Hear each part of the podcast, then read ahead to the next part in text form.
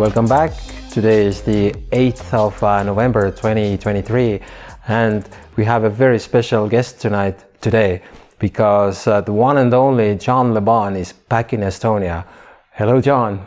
Hello, Hando. Hello. Hello, Marianne. Hello to all of your viewers. It is great to be back. Thank you for the invitation. Absolutely. What a marvelous country, really. This is my second visit to Estonia. Yeah, so you were here uh, last summer. So we are recording this in November.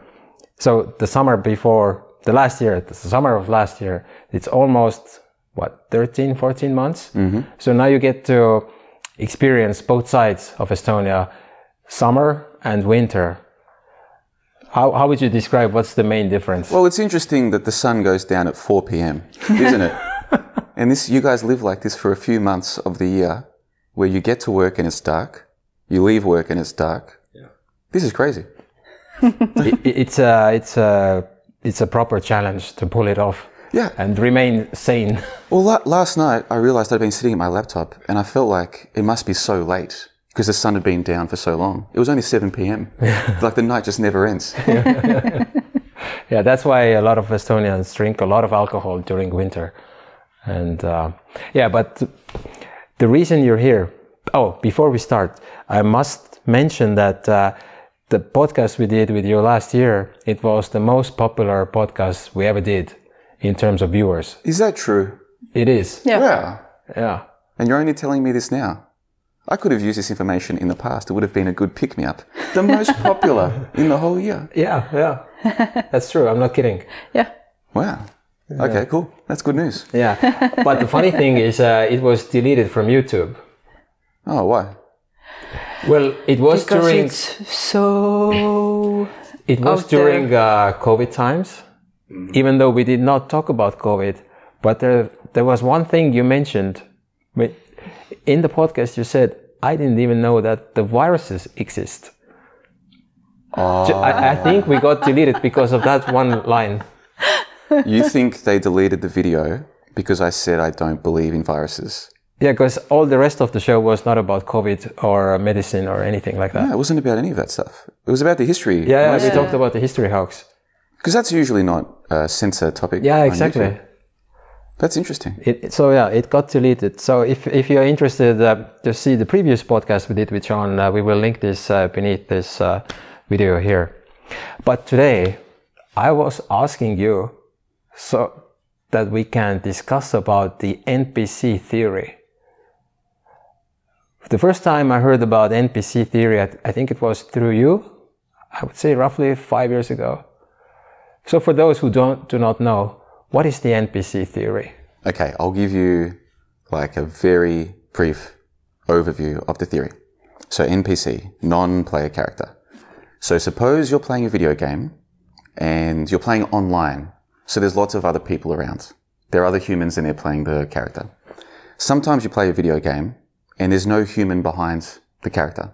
It's just the computer game is the person. Hmm. That's a non-player character. Well, five years ago, somebody came up with this idea on the internet that a lot of the people that you talk to in real life, they're just like non-player characters because they say the same things over and over or they repeat what is on the TV. And so this became a very popular meme on the internet.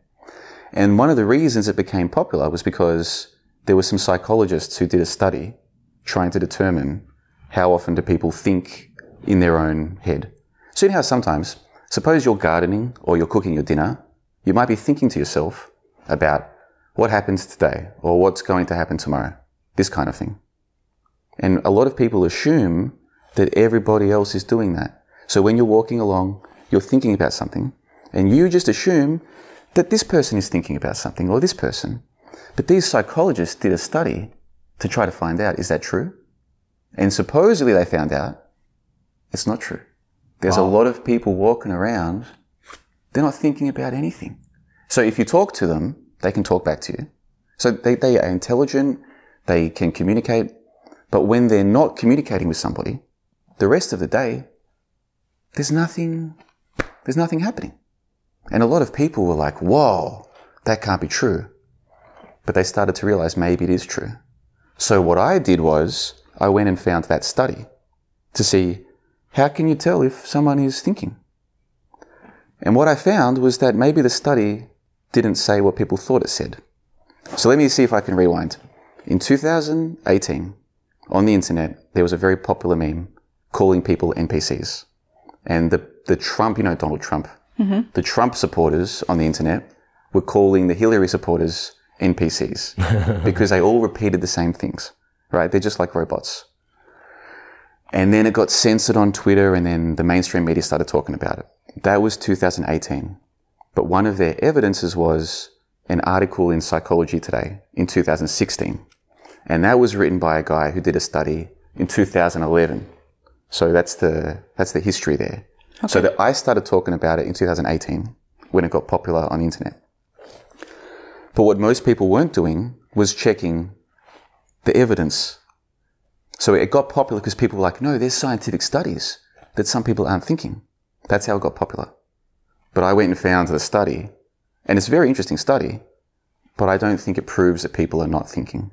I think even the, the simple people, you know, the people who just watch TV and, and mm-hmm. believe it, I think even them still do have inner thoughts.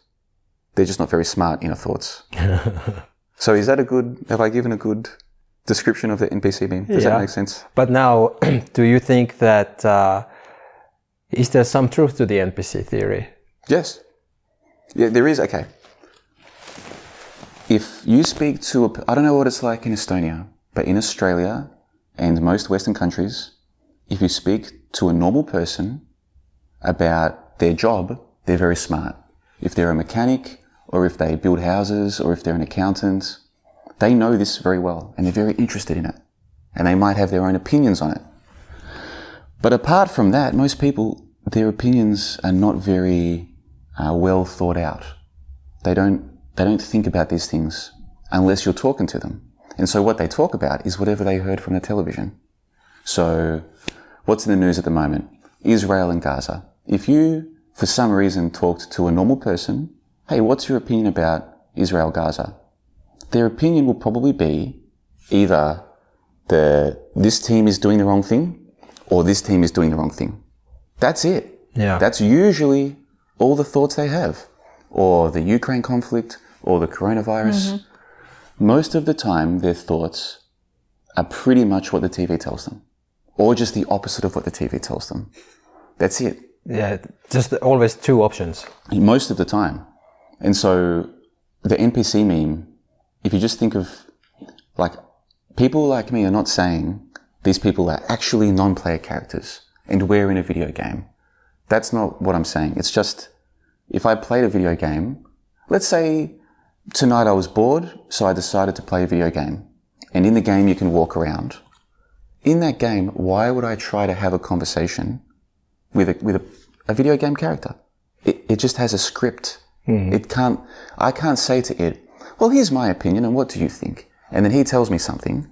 And then I'm like, that's very interesting and a conversation that I can have with you or with you. Why can I have this in a video game? It doesn't make sense. So I wouldn't try. In this world, that's how I feel about most people. If they don't have their own opinions, if their opinion comes from the television or from TikTok, why would I think, ah, yes, I can have a conversation with this person? That's not going to happen. Do you see what I mean? Totally. Uh, we experienced uh, the NPC possible truth of the NPC uh, uh, phenomena uh, during uh, COVID, when suddenly even the so-called smart people went totally insane because the TV said something, and uh, And if you say something else, then they just, they almost like can't uh, hear you and they just continue their own story. And then you ask again, and then they just, the eyes go blank and they just continue their own story, not making any. And and the funny thing is. Uh, I think it's uh, just like uh, this cognitive dissonance. It's it's uh, so some of the ideas are so hard to grasp that uh, they just rather not hear it at all. So the question is, uh, are these people un- unable to hear these thoughts and think along, or are they too scared so that some of the brain maybe doesn't function or what, what do you think are, are these people literally stupid or are they insane are, are they afraid or what, what do you think what do you honestly think what is going on Uh, well, that's a good question. But going back to the corona thing, do you remember how, especially in 2020, people kept talking about how many cases there are? Do you remember on the news? Do you guys remember this? Yeah. On the news, it would say there is uh, 200,000 cases and then 300. There was like a tracker, Yeah. right? Do you remember this? It's like Absolutely. when you watch a football game, it has the score. same But in Corona, it was just the number of cases, right? Yeah. And my experience was if you tried to talk to somebody about corona, they would bring up the cases. Mm-hmm. Now, why were they doing that? I believe because they were watching television or they were watching news on their tablet or mm-hmm. whatever their source was, they're constantly seeing cases and hearing about cases. So that's being put into their brain. Then when they talk to you, they're just transmitting like a robot. Mm-hmm. That, that's the NPC thing in a mm-hmm. nutshell absolutely it's being programmed. So when you're trying to talk to them and then they talk about something else, this is why because if you if you were in a video game and this character's job is for you to bring it something and then it gives you the key and then you take the key to the next level, mm. right? That's all that character is there for. If you went up to that character and tried to talk about something different, it's going to go nowhere. His job is just to give you the key. you see? Yeah. So during Corona, all of these people in this world, their job was to have the Talk, information. talk about the cases. Yeah. and so if you came along and said, "Well, I've been looking into microbiology and into virology," they'd be like, "No, the cases, the cases." That's the NPC analogy. And what was interesting was, in 2018, I started talking about the NPC theory, and a lot of people didn't like this. Even my own viewers, some of them were like, you shouldn't say this, this is disrespectful, you're dehumanizing them, all this stuff. It, they, they really didn't like this idea of NPCs.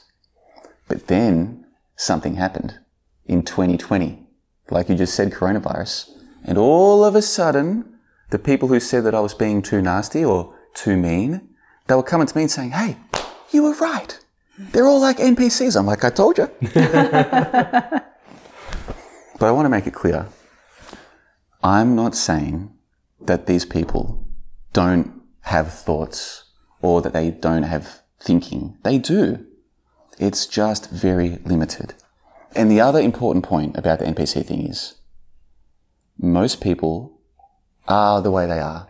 So a lot of people, they come to me and they're frustrated because their partner or their children or their boss or whoever keeps repeating things and they never learn. And what I now believe is most people will never change their opinions. It's hmm. very unusual for a human to think to themselves, maybe I'm wrong about that. I'm going to go back to the start, pretend I don't know anything, go back to the start and look at the evidence. And if it turns out I'm wrong, change my mind. Humans don't do that. They don't do that. Even for me, it's difficult sometimes because I've put all of this time into studying something, and then if it turns out it's wrong, this, you know, mm-hmm. and it takes a lot of time to read all these books and all these scientific studies. So to find out that you're wrong about something, humans, we hate that. We really hate that. And so what I say to people is, if you're frustrated that your friend or your family doesn't know something, you need to get over that because that Yeah. person's never going to change. yeah So if this is a problem for you, that's your problem. Hmm. You can come to that person with more evidence tomorrow and another scientific study the next day and more evidence the next day. Doesn't matter. That person's opinion is not based on evidence. So more evidence is not going to change anything. yeah. So if you have a problem with these people, that's for you to fix up. Don't expect them to change. They never will. yeah uh, it's a That's a very healthy point of view. Imagine if Marianne came to me and she said, John, I was playing this video game and I went to the guy with the key and I tried to ask him direction and I'm like, that's not his job.